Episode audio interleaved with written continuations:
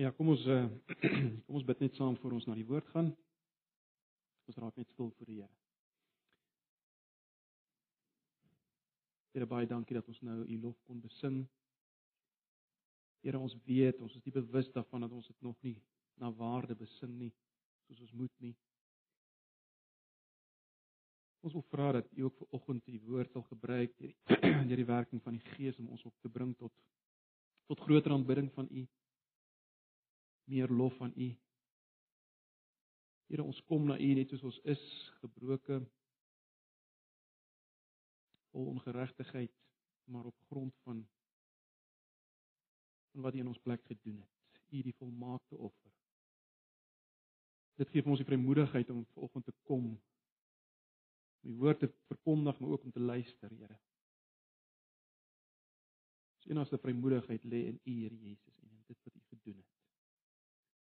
Ons wil nou vra dat u vanoggend van dit weer eens vir ons sal help om om nie te dink, nie te dink oor u verander ons denke sodat ons manier van lewe uiteindelik verander sodat u die lof sal kry uit ons lewens uit asseblief. Ons verwagting is nou van u en u alleen. Ons vra dit in Jesus se naam. Amen. Nou ja, ons is steeds besig met ons Hebreë reeks. Ons het nou verlede Sondag begin insak in die teks self. Ons het na die eerste 4 verse gekyk. Vanaand lees ons saam vanaf vers 5. Uh ek lees maar die 83 vertaling. Ja, ons sien uh dis 'n klomp Ou Testamentiese gedeeltes wat as te ware almekaar geryg is hier. Ehm um, en ons sal nou nou daarna kyk. Kom ons uh kom ons lees vanaf vers 5. Immers aan wie van die engele het God ooit gesê jy is my seun, vandag het ek jou vader geword en ook ek sal sy vader wees en hy sal my seun wees. Vers 6 En wanneer God die eerstgeborene in die wêreld inbring, sê hy al die engele van God moet hom aanbid. Van die engele sê hy, hy maak sy engele stormwinde en sy dienaars vuurvlamme. Maar van die seun sê hy, u troon o God staan vir ewig vas. Met u koninklike septer laat u reg geskied. U het die reg lief en u haat die onreg. Daarom het God, u God, u onder groot vreugde tot koning gesalf bo u tydgenoot. En verder, u Here het in die begin die aarde gevestig en ook die hemel is die werk van u hande. Die dinge sal vergaan, maar u bly bestaan. Soos 'n kledingstuk sal alles verslyt. Soos klere sal u dit oprol. Ja, soos 'n kledingstuk eh, sal dit vervang word, maar u, u bly dieselfde en u jare het geen einde nie. Vers 13 sal julle sien eindig dieselfde as vers as wat vers uh, eh, 5 begin. Van watter engel het hy ooit gesê sit aan my regterhand totdat ek jou vyande aan jou onderwerp het? Is hulle dan nie almal geeste in diens van God wat hy uitstuur om die te dien wat die saligheid gaan berg? Lees net so ver.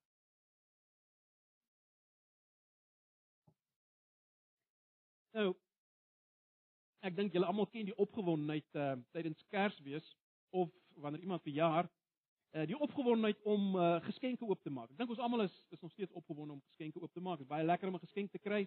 En ons kan nie wag gewoonlik om die geskenkpapier af te haal sodat ons die geskenk kan sien. Ek dink julle sal mee saamstem, ons uh, steur ons gewoonlik nie vreeslik baie in die geskenkpapier nie. Party mense doen vreeslik moeite met hulle geskenkpapier en uh, meeste van ons vrommel dit op en gooi dit weg. Jy steur nie soveel aan die geskenkpapier. Want dit gaan oor die geskenk. Wat as te ware weggesteek word deur die geskenkpapier. Nou. Stel jou nou voor weer so 'n Kersgeleentheid of verjaarsdaggeleentheid. Stel jou voor een van die kinders hardop na sy geskenk toe maak die begin die geskenkpapier afskeer. Hardop na 'n hoek toe en gaan sit en speel met die geskenkpapier. Die res van die van die aand speel hy met die geskenkpapier dink ons almal sal dink dit is 'n bietjie vreemd, né? Nee, dis belaglik. Ek bedoel, wat van die geskenk? Wat van die present? maar hoe dit ook al sê, daar's daarom iets gevaarlik daaraan. Uh as die kind nou net met die geskenkpapier sit en speel, nie so sekerlik nie so erg nie. Maar stel jou nou voor, ander scenario, stel jou voor daai geskenkpapier was behandel met 'n met 'n chemiese stof en hoe meer jy dit hanteer, hoe meer gee dit af en is dodelik gevaarlik. Wel, dan raak dit ook gevaarlik om jou aandag te wy aan die geskenkpapier in plaas van die geskenk. Nou, wat is die punt wat ek probeer maak? Wel, broers en susters, die mense vir wie die skrywer van die Hebreëbrief skryf, uh was soos hierdie kind wat begin besig geraak het met die geskenkpapier in plaas van om te speel met die geskenk. In plaas van om besig te wees met die geskenk. En meer nog, in hulle geval was die geskenkpapier gevaarlik. Dit was gevaarlik. Jy sien die geskenk, dit waaroor hulle opgewonde moes wees, was Jesus. Dis waaroor hulle opgewonde moes wees. Jesus. Onthou julle ons verlede Sondag gekyk na hierdie Jesus in die eerste 4 verse. Hy is God se laaste kommunikasie. God kan nie beter kommunikeer, meer sê, meer omvattend praat as Jesus. En wat Jesus kom doen het en wat hy kom sê het dis God se laaste woord. Alles wat rondom hom gaan, dis wat God sê, dis sy laaste woord. Ons het daarna gekyk. Dis die geskenk. Die finale laaste beter woord Jesus. Maar hulle het begin behep raak met die geskenkpapier. Hulle het weer begin om hulle besig te hou met met al die judaïstiese rituele. Met ander woorde die rituele wat kom uit die Ou Testament uit, die ou verbondsbedeling wat gesluit is op Sinaï. Hulle het weer begin besig raak daarmee. Omdat hulle natuurlik teenkant gekry het uh, as Christene, het hulle weer begin terugdryf na hierdie goed. Ons het daaroor gepraat 'n bietjie al in die in die verlede. Spesifiek het hulle begin besig raak met hierdie, soos ek sê, die die hele ou verbondstelsel, die wet as jy wil. Wat dit teruggekeer soontoe na al die gebruike en al die dinge wat uh, wat daarin uh, neergeskryf is. daarmee het hulle self besig gehou en en daai dinge was juis daar om vooruit te wys na Jesus. Al die dinge in die ou verbondstelsel het vooruitgewys na Jesus, die eintlike geskenk. Maar hulle het besig geraak met hierdie papier. En al die geskenk gemis, die laaste finale woord. Nou, as ons kyk na hierdie gedeelte, dan val mens onmiddellik, dit val mens onmiddellik op hierdie klem op engele. Die klem op engele. Waaroor gaan dit? Waaroor gaan dit? Ek dink die skrywer wil 'n punt maak. Kom ons lees bietjie net hoofstuk 2, die eerste 3 verse. Dan sien ons waaroor gaan dit. Dan sien ons waaroor gaan dit. Hy het nou alles gesê wat hy gesê het in hoofstuk 1, en kyk hoe begin hy hoofstuk 2. Kyk nou hoofstuk 2 vers 1. Om hierdie rede, met ander woorde, om hierdie rede van dit wat ek nou gesê het, om hierdie rede moet ons soveel kragtiger vasgryp aan wat ons gehoor het sodat ons nie dalk wegdrywe nie. As die woord wat deur engele gepraat is bindend was en elke oortreding en ongehoorsaamheid regverdig eh, of of uh, regmatig gestraf is, hoe sal ons dan ontkom as ons so groot saligheid verontagsaam het? Hierdie saligheid is immers deur die Here verkondig, ehm uh, deur wie dit uh eh, ekskuus, deur wie dit sy oorsprong het. Dit is aan ons bevestig deur die wat dit gehoor het. sien julle dit? Dis wat hy op pad is.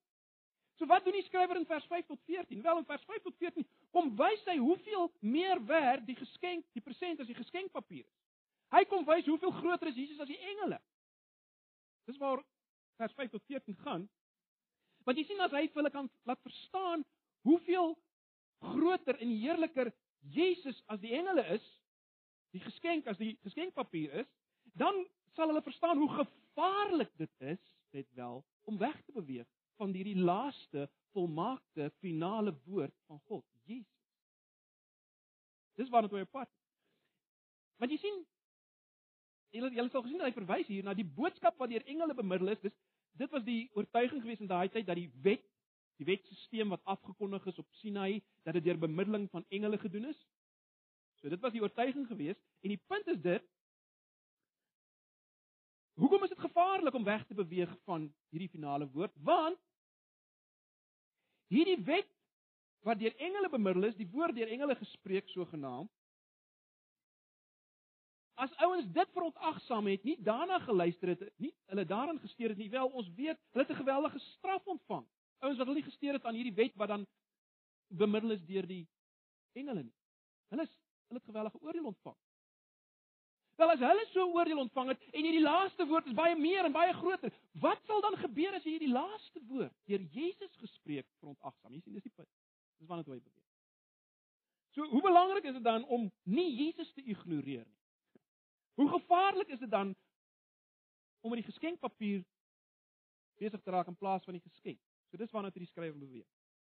So kom ons kom ons kyk nou hoe wys die skrywer dat die geskenk belangriker is as die geskenkpapier. Kom ons kyk hoe doen hy dit. En ek wil vier hoofies net uitlig. Vier hoofies uitlig. En die eerste ding wat hy wys is of die eerste hoofie waaronder ek waarna ek wil kyk is dit die seun se unieke verhouding met die Vader en ons sien dit in vers 5. Die seun se unieke verhouding met die Vader in vers 5.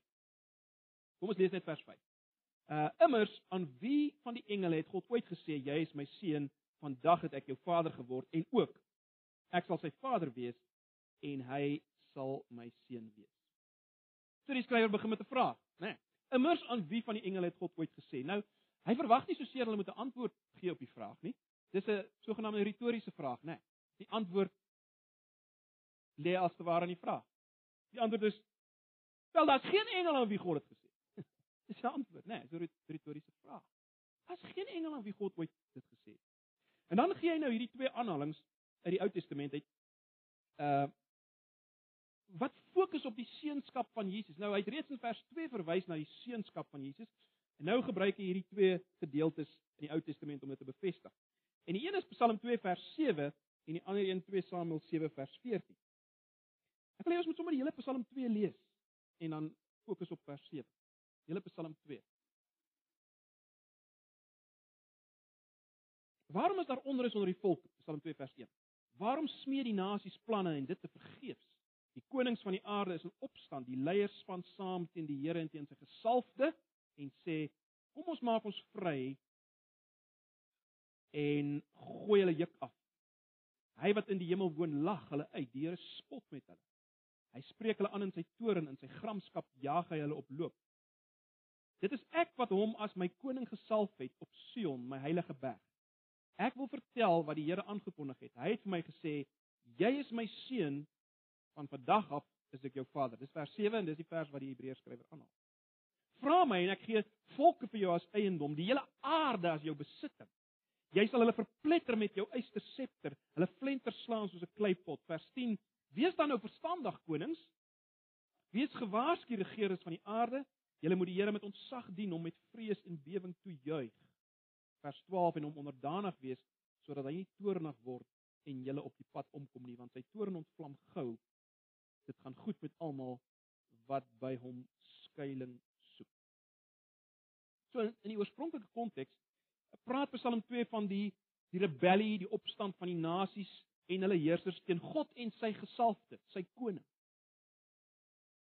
En dit verwys dan verder na sy Messias, sy gesalfde, né?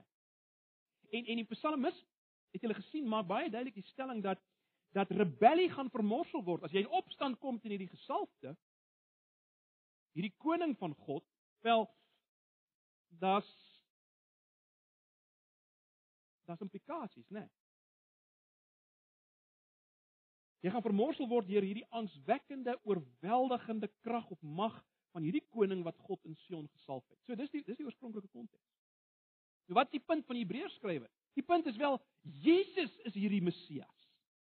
Jesus is hierdie uiteindelike gesalfde koning want ons weet oral in die evangelies Hoewel in die evangelies verwys Jesus na homself as die seun en na God as sy Vader.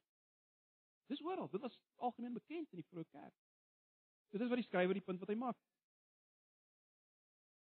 Dit wat God daar sê, dit gaan oor Jesus. Dit is baie interessant dat die die vroeë kerk het in hierdie belofte van van oorwinning vir hierdie koning het hulle gesien die belofte van oorwinning vir die vir die vroeë kerk teenoor die magte wat wat die kerk bedreig het in daai tyd, die liggaam van Christus bedreig het. So hulle die belofte van oorwinning wat wat hier beskryf word in Psalm 2 het hulle van toepassing gesien op op die kerk. Die vroeë gemeente. Baie interessant. Kom ons kyk na Handelinge 4 vers 23 tot 31. Handelinge 4 vers 23 tot 31. Kom ons lees dit net saam. Baie interessant. Ek gaan nie nou ingaan op die op die op die gedeelte nie. Julle ken dit. Uh, nadat Petrus en Johannes losgelaat is, het hulle na hulle medegelowiges toe gegaan en vir hulle vertel wat die priesterhoofde en die familiehoofde alles vir hulle gesê het. Dan vers 24, toe hulle dit hoor, toe die gemeente nou dit hoor, het hulle almal saam tot God gebid en gesê: "Here, dis U wat die hemel en die aarde en die see en alles wat daar is gemaak het." En dan vers 25, interessant, haal hulle nou Psalm 2 vers 7 af.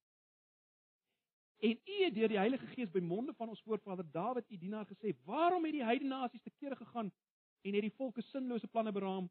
Die konings van die aarde het in opstand gekom en die heersers het saamgespan teen die Here en teen sy gesalfde."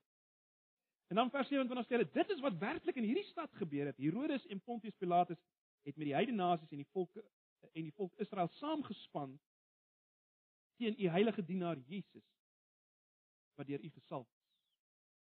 So julle sien baie duidelik die vroeë kerk het hierdie gedeelte toegepas op hulle. Op hulle. So daar's geen twyfel nie. Jesus is hierdie gesalfde koning. Baie interessant. En die vroeë kerk het dit so verstaan.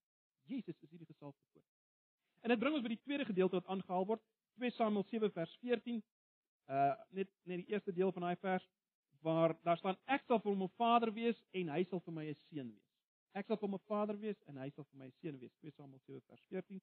Nou, dis die woorde van Nathan aan Dawid waarin God beloof dat dat Dawid sal 'n seun hê wat 'n ewige koninkryk sal hê, maar baie belangrik.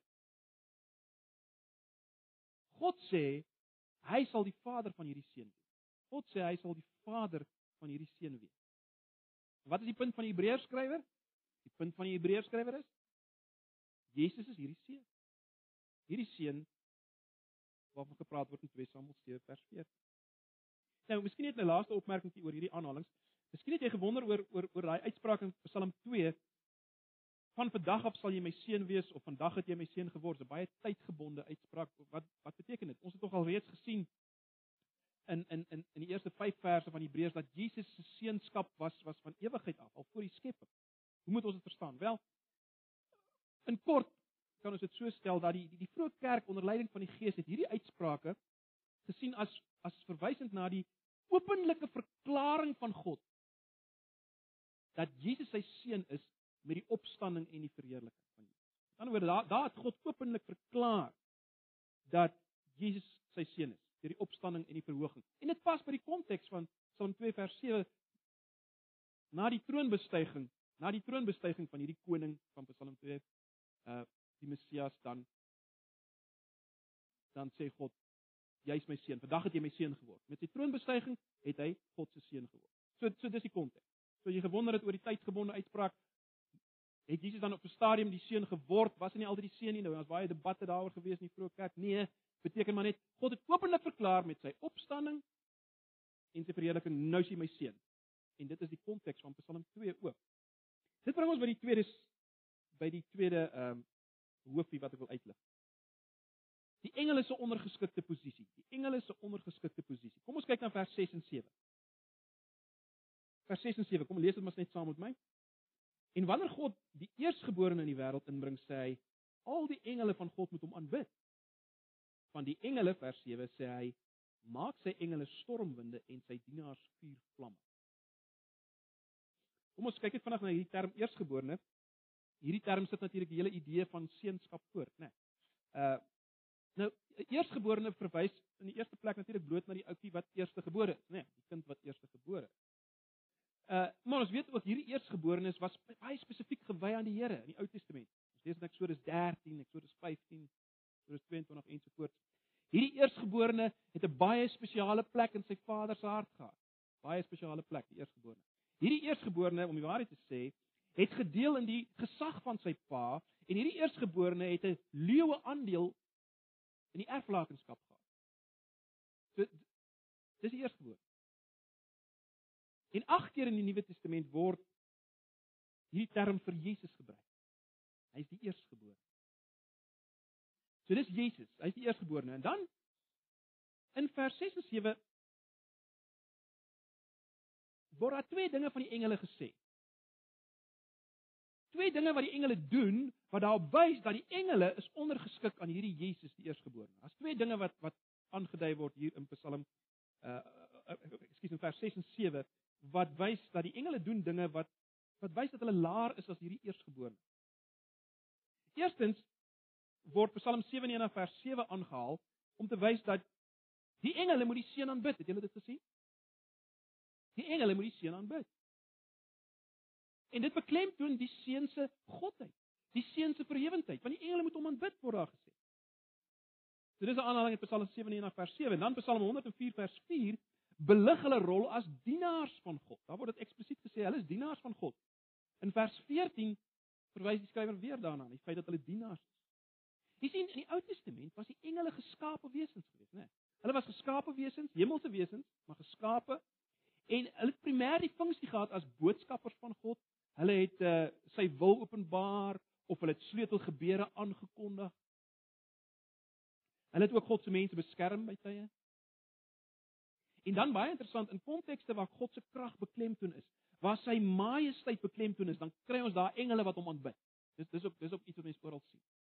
Oomblik as as jy 'n prentjie het van die majesteit en die heerlikheid van God, dan dan's engele daar om hom te aanbid.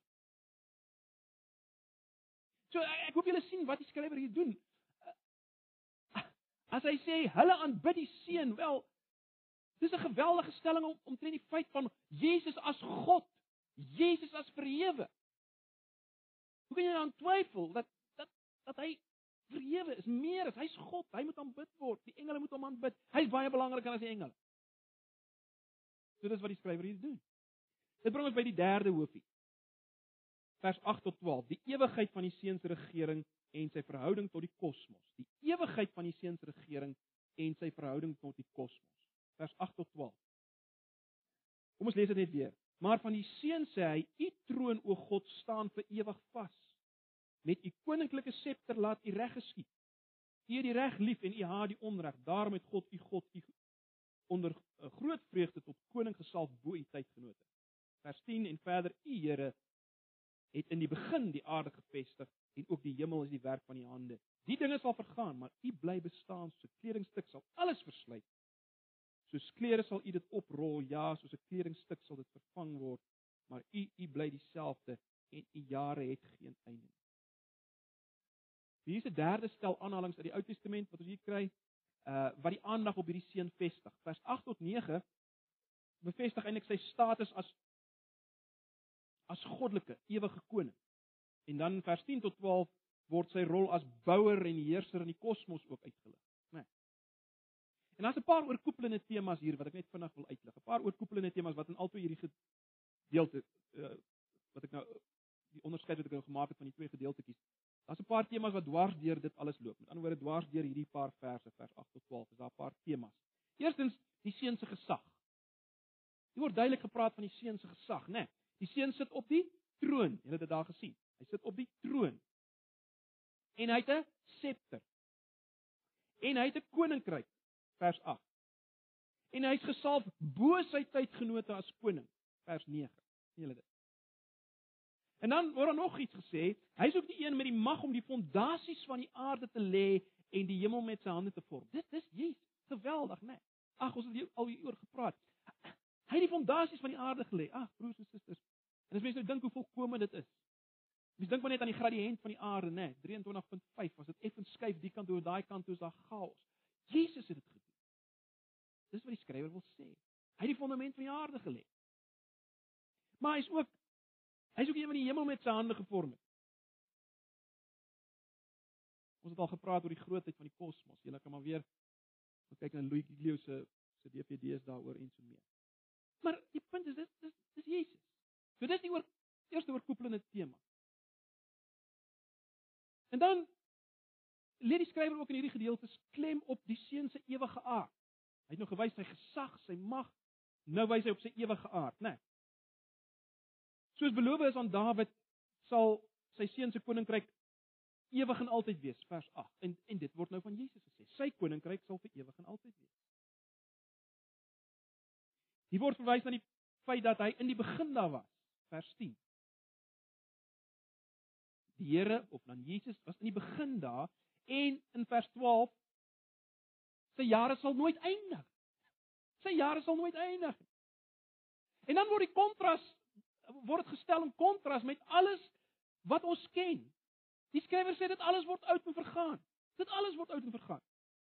Soos klere wat lank gedra is, sê die skrywer, sal die seun dit opvou Alles sal hy opvou aan die einde van die tye, vers 11 en 12, maar hy bly dieselfde vers 12.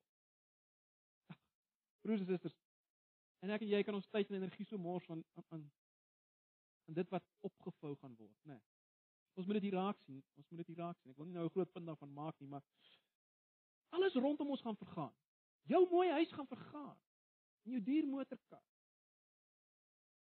En jou mooi gesiggie waarin jy so baie tyd spandeer. En die spiere wat jy so versorg in die gym. Dit alles gaan vergaan op die ou. Ek sê nie jy moet nie tyd daaraan spandeer nie, maar in vergelyking met dit wat ewig gaan bly. In vergelyking met Jesus. Want die seun gaan dit opvou, dis wat hier gesê word. Die seun gaan al hierdie goed wat ons so aan vashou en so tyd aan spandeer en ons so verknies en bekommer, dit alles gaan die seun opvou uiteindelik. En al wat gaan wees is hy. So dit die logiese is net spandeer tyd aan hom. Nie so baie tyd aan dit wat opgevou gaan word deur hom. So vra jouself, waar spandeer ek? Gaan opgevou word deur die seun. So dis die tweede die tweede oorkoepelende tema hier in hierdie gedeelte is die klem op op die seun se ewige aard. Hy gaan vir altyd daar wees. Hy gaan nooit eindig. Jy gaan nooit ontslaa raak van hom nie. Hy gaan altyd daar wees. En dan die derde tema hier. Julle sal sien in vers 8 is daar 'n uh, sekerlik die mees eksplisiete verwysing na Jesus as God. Dis nou al klaar geïmpliseer, né? Nee. Ons het klaar gesien dis oral geïmpliseer sy godheid Maar in vers 8 is daar sekerlik die mees eksplisiete verwysing na Jesus as God wat gevind word in die Ou Testament. En is uh, en is 'n aanhaling uit Psalm 45 vers 7. sien julle dit in vers 8? Maar van die seun sê hy: "U troon o God." Dis eksplisiet. En kom uit Psalm 45 vers 7. U troon o God. Jesus is God. U troon o God staan vir ewig vas. Met u koninklike scepter sal u reg laat geskied. En dit bring ons by die vierde en die laaste hoofie wat ek wil uitlig. Die seun se posisie aan die regterhand van die Vader in kontras met die posisie van die engele. Kom ons kyk net na vers 13 en 14. Vers 13 en 14.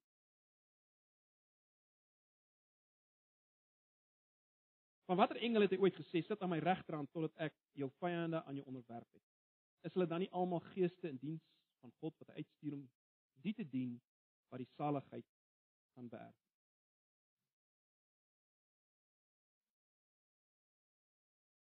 En dis dis die hoogtepunt van die skrywer se string quotasies uit die Ou Testament is nou hier as hy Psalm 110 vers 1 aanhaal, né? Nee, sit aan my regterhand totdat ek jou vyande aan jou onderwerp het.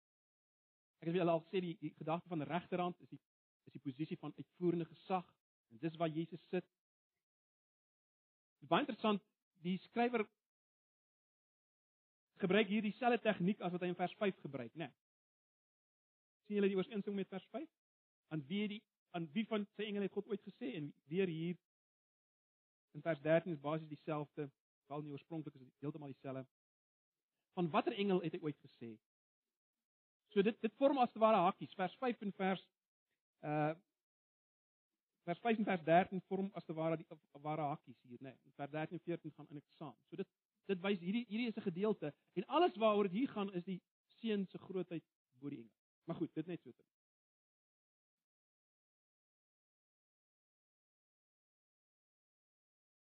Hierdie aanhaling in vers 13, het ek julle gesê, dit verwys na Psalm 110 vers 1. Hy het alreeds hierna verwys in vers 3 van Hebreërs, maar hier sit hy nog iets by. Hy hy, hy vat die hele aanhaling en dan sit hy iets by en dis daai laaste gedeelte. Totdat ek jou vyande aan jou onderwerp het. Dit het hy nie gesê vroeër nie. Hy haal nou hierdie hele gedeelte aan. Totdat ek jou vyande aan jou onderwerp het. En dit is baie belangrik om dit raak te sien. Ons het nou reeds gesien met die verwysing na Psalm 2 vers 7 in vers 5 van daai Psalm en in Psalm 45 vers 6 en 7 die konteks daar in vers 8 en 9 as dit gaan oor die verhoging en die troonbestyging van Jesus is daar implikasies, né? Nee, Daar's implikasies in die feit dat hy sy troon bestyg. Daar's implikasies aan die feit dat hy aan die regterhand van God sit en dis die belangrike ding wat hy nou hier uitlig. Dis hoekom hy daai laaste gedeelte bysit totdat ek jou vyande aan jou onderwerp het. Daar's implikasies vir Jesus se sit aan die regterhand. Net soos daar implikasies is vir sy troonbesluit. En wat is die implikasie? Wel die vernietiging van die vyande van God en sy gesalf. Hoekom sê hy dit vir die Hebreër gemeente?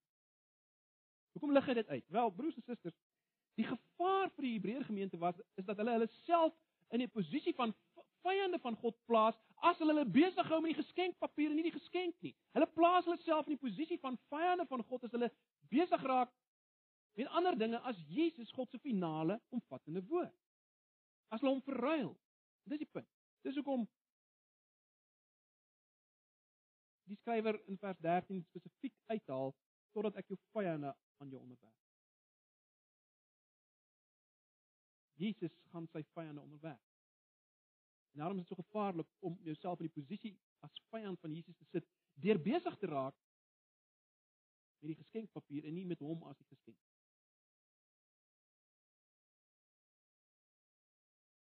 Sien dis die hele punt. Hoe kan hoe kan jy behep raak met die engele en met die wetstelsel wat hulle bemiddel het en jy luister na Jesus en sy uitspraak. Dis die punt wat hy maak van die begin af, né? Nee, dis waaroor dit gaan.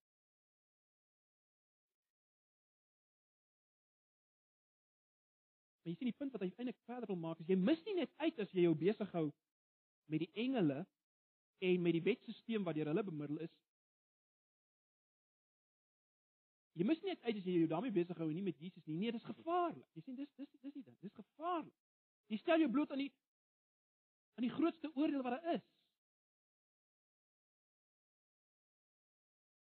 Want jy en ek is bedoel om hom op te lig en te eer en te verheerlik, die seun. Want dis wie hy is. Dis sy posisie. Jy stel jouself bloot aan geweldige oordeel. Maar goed, ek wil afsluit. Kom ons bring dit alles nader aan ons lyf. Kom ons bring dit alles nader aan ons lyf. In die aard van die saak is ons posisie nie presies dieselfde as die mense in die vir wie die Hebreërbrief in die eerste plek geskryf is nie, né? Nee. Ons gevaar is nie so seer dat ons terugkeer na Judaïsme op dieselfde manier as hulle nie, né? Nee. Maar broers en susters, ek wil dit tog waag om te sê dat ons ook die gevaar loop om behep te raak met die geskenkpapier in plaas van die geskenk. Met ander woorde, ons het ook 'n gevaar om behep te raak met dinge wat bedoel was om Jesus duideliker uit te lig. Ons is behep of ons is geneig om daarmee behep te raak in plaas van met Jesus self. Ons raak besig met dinge wat eintlik daar is en bestaan om Jesus groter te maak, raak ons behep met daai dinge self. Alraai. Dit is wat ek net vinnig wil naverwys. Ek ek het sommer so 'n paar dinge hier neergesit. Mense kan nog baie ander seker. Dis sommer so 'n paar goed wat net in my kop opgekom het. 'n Paar dinge uh, wat ons hanteer soos daai kind die geskenkpapier hanteer in plaas van Jesus. En die eerste is wat ek wil noem Joodse gebruike. En, en dit beweeg natuurlik baie na aan die gevaar wat die Hebreërs uh, se eerste lesers geloop het, maar natuurlik by ons is dit bietjie in 'n ander vorm. Hoekom noem ek dit? Dit is iets wat ek baie kry, uh, veral by die Bybelskool loop ek dit baie raak. Mense het ewe skielik weer 'n beheptheid met Joodse gebruike. Ek weet nie of julle dit al dalk ook al raak geloop het nie. Mense kry selfs NG gemeentes wat nou al heeltemal ingerig is soos sinagoges. Ek weet nie of julle dit al raak geloop. Baie interessant. Skrikwekkend.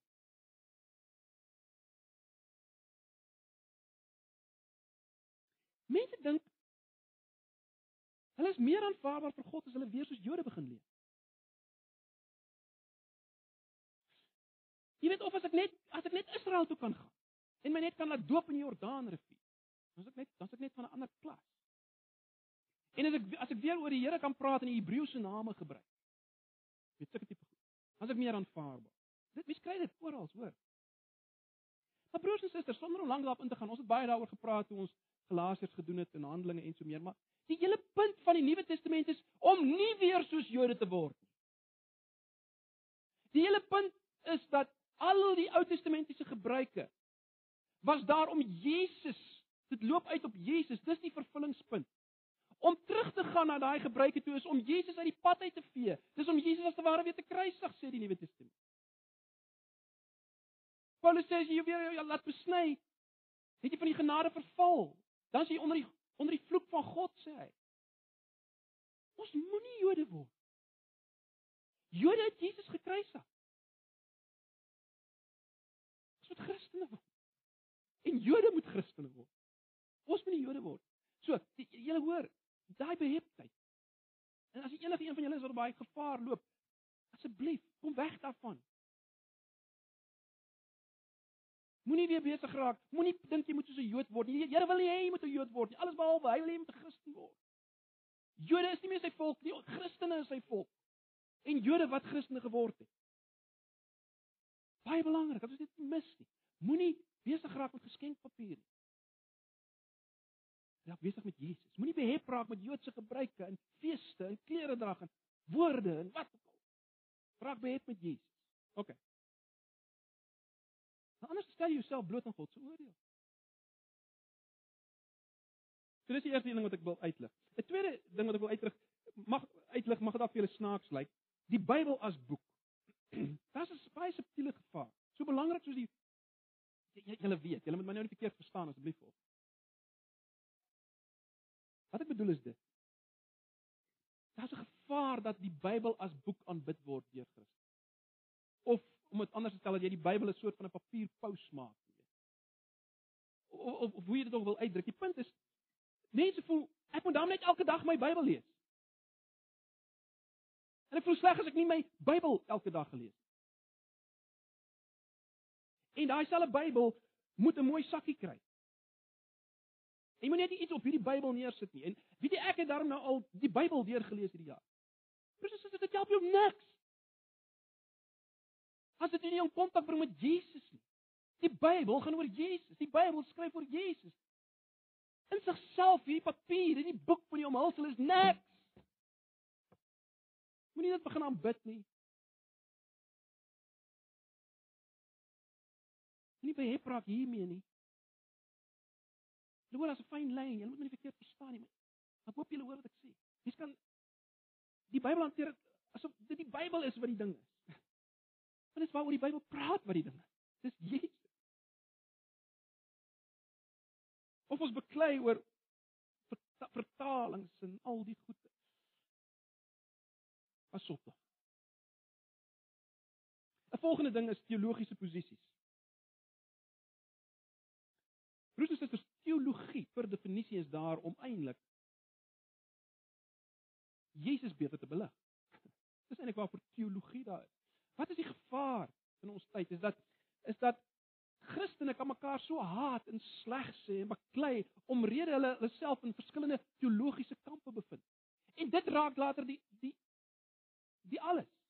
Ek is 'n Calvinis en jy is 'n Arminiaan en ek is 'n Charismaat en en hulle sit mekaar in kampe en, en dis waaroor dit alles gaan. Dis dis waaroor alles gaan. En ons mis die geskenk hier. Raak besig met allerlei formuleringe, korrekte getaalgebruik en korrekte korrekte teologiese gebruik. En as hierdie ou nie die woorde noem wat vir my goed klink, en hy praat nie ook van soewereiniteit nie, dan wonder ek, verstaan hy die evangelie? Dis tragies. Ons raak behep met die geskenk op. En dan geestelike aktiwiteite en byeenkomste. Broers en susters, ons moet onsself afvra, wat is die doel van enige geestelike aktiwiteit en byeenkomste? Wat is die doel van ons bymekaar kom hier? Die doel is om om Jesus beter te leer ken en om hom te aanbid. Daar's niks waarde in sigself in hierdie goed. Dit is baie maklik dat Christelike Christendom bestaan bloot uit die kom na erediens op 'n Sondag of die gaan na 'n Bybelstudie of die of of of 'n of 'n klein groep of wat ook al. Dit dit is dit is dis die Christendom. Is die kom na hierdie geleenthede. Maar die geleenthede beteken niks. As dit nie 'n kom na Jesus is en as dit nie oor hom gaan nie. Moenie behep raak daarmee nie. Moenie goed voel omdat jy 25 Bybelstudies en 10 klein groepe bywoon nie. Dit help jou niks. Baie mense woon hierdie goed by en raak net al meer geïrriteerd en gefrustreerd en onaangename mense om te ken. Hulle raak nie meer soos Jesus nie. Maar help jou niks. Los eerder 'n paar van die goed en kom na Jesus. Jy hoor wat ek probeer sê weer die kontras stel, né? Nee, hierdie goed is belangrik, absoluut. Maar dit is belangrik omdat dit ons by Jesus moet uitbring en in kontak met hom moet bring. Ag, mens kan baie hoop. Nog iets wat hierdie gevaar inhou is is iets soos Christelike musiek. Waarvoor is Christelike musiek daar? Wel, dis om in hoogste rad te sit dit wat ek van Jesus dink. Dit wat ons nou net in Hebreërs gesien het. Musiek help my om in hoogste rad vir hom dit te sing en te sê dis wat hy is, dis wie hy is. Maar wat gebeur? Ons verafgod die musiek in sigself, die ritme, die instrumente, die ouens wat daar voor staan. Hulle word bewonder. Wow, het jy gesien hoe daai ou sing? En ek het nou weer sy CD gekoop dis hy's great. Ek sê nie ons moet Dit is moeilik om vir julle te verduidelik. Jy weet, ek sê nie ons moet niks daarmee te doen hê nie, maar Dis 'n gevaar dat dit gaan oor hierdie ding Christelike musiek. En ons verruil dit vir dit waaroor die musiek moet gaan. Yes. Dit raak vir ons die ding. Waarmee ons behep raak en ons tyd spandeer en ons geld spandeer. Met hy ons spandeer waarskynlik heeltemal heelwat meer geld aan die koop van Christelike series as wat hulle ooit gee vir die armes.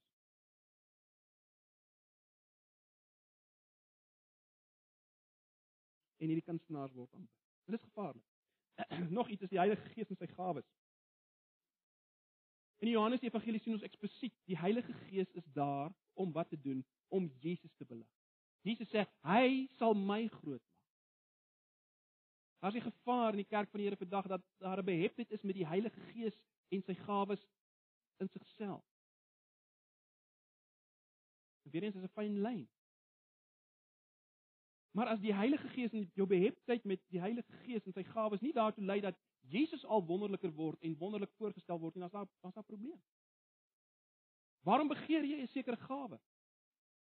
Is dit om Jesus beter te dien en te ken en sy liggaam beter te dien of is dit sodat jy kan beter voel dat jy hierdie krag het of uh, dat jy effens beter is as ander gelowiges? Vra jouself die vraag af as jy in daai kategorie val. So die Heilige Gees en sy gawes kan so beheptheid raak met die papier plaas van die geskenk. Die laaste een, jy sal jou miskien wonder want is nou nie hy val dalk nie heeltemal in hierdie kategorie nie. Ek sê die duiwel in sy werk, ek ek weet, ek weet, ek is bewus daarvan, die duiwel in sy werk was nie in sy oorspronklike bedoeling daarom op dieselfde vlak om Jesus uit te lig soos hierdie ander dinge wat eintlik bedoel is om Jesus uit te lig nie. So So die duiwel se werk is nie heeltemal op dieselfde vlak nie, maar hoekom ek dit noem is dit. Ons lees nie Bybel, ons lees nie Nuwe Testament van die van die duiwel en sy werk, maar altyd op so 'n manier dat ons eintlik sien dat Jesus is magtiger as hy en kragtiger as hy en groter as hy.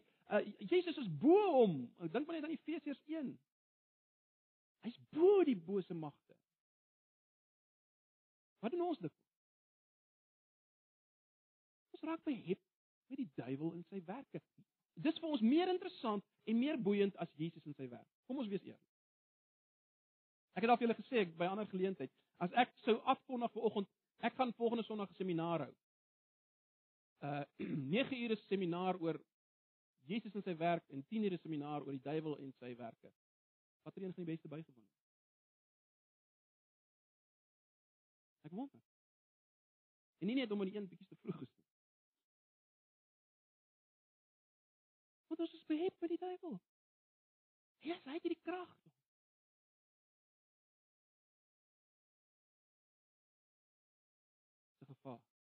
Dis 'n gevaar. Ag broers en susters. Onbewuslik. Onbewuslik. Beweeg ons weg van Jesus die geskenk. En raak die geskenk al meer vergete. Ons raak behep met die papier. En dis 'n gevaar. So ek sluit af. Vra jouself af op hierdie oomblik, waarmee is ek besig in my gedagtes en in my optrede? Is ek regtig besig in my gedagtes en my optrede? Is ek besig met Jesus God se laaste, omvattende, finale, heerlike woord? Is ek daarmee besig? Is dit waarmee ek behep is? Dit waarmee ek waar waar waar ek my tyd belê, my energie en my emosies? Of is my tyd en my energie en my emosies by een of ander ander papier. Vra jouself die vraag af, miskien Miskien is jy vanoggend hier in die posisie dat jy ehm uh, jy nog nooit by die geskenk uitgekom het. Jy sal jou hele hele lewe nog net besig met die geskenkpapier.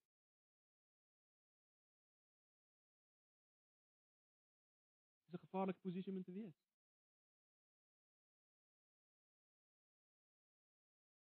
Want jy kan so goed voel oor jou besig wees met die papier dat jy vergeet maar jy jy het nog nooit by die geskenk uit. So kom na die geskenk. Dis waarvoor ons besig is met Hebreërs. Dat jy weer die geskenk sal raak sien vir wie hy is. Hy is die enigste laaste finale woord van God. Hy is jou verlossing. Hy is jou sekuriteit, hy is jou lewe. Kom na hom toe. So as jy nog nie na hom toe gekom het nie, nooit te laat nie. Kom na hom toe. Jy kan vanoggend kom. Vlug na hom, kom na hom. Verkeer jou van jou sonde van besig wees met skenkpapier in plaas van met hom. Ag, mag die Here ons help om uh, om besig te raak met homself en geskenk en hierdie geskenk. Kom ons bid.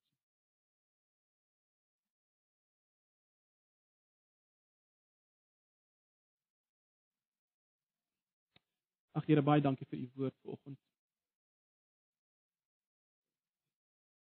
En ons wil kom bely ek self Here dat dat daar 'n geneigtheid by ons is om om weg te beweeg van u self. En my gebed is vir myself en vir die gemeente, vir elke broer en suster, Here dat u ons sal aanspreek vanoggend deur die werking van die Gees dat u vingers sal lê op daai plek waar ons nodig het om terug te keer na u die geskenk. Asseblief Here, doen dit uit genade uit, asseblief. Ons vra dit in Jesus se naam. Mag die genade van ons Here Jesus, die liefde van God en die gemeenskap van sy Heilige Gees met julle elkeen wees en bly in hierdie dag. Amen.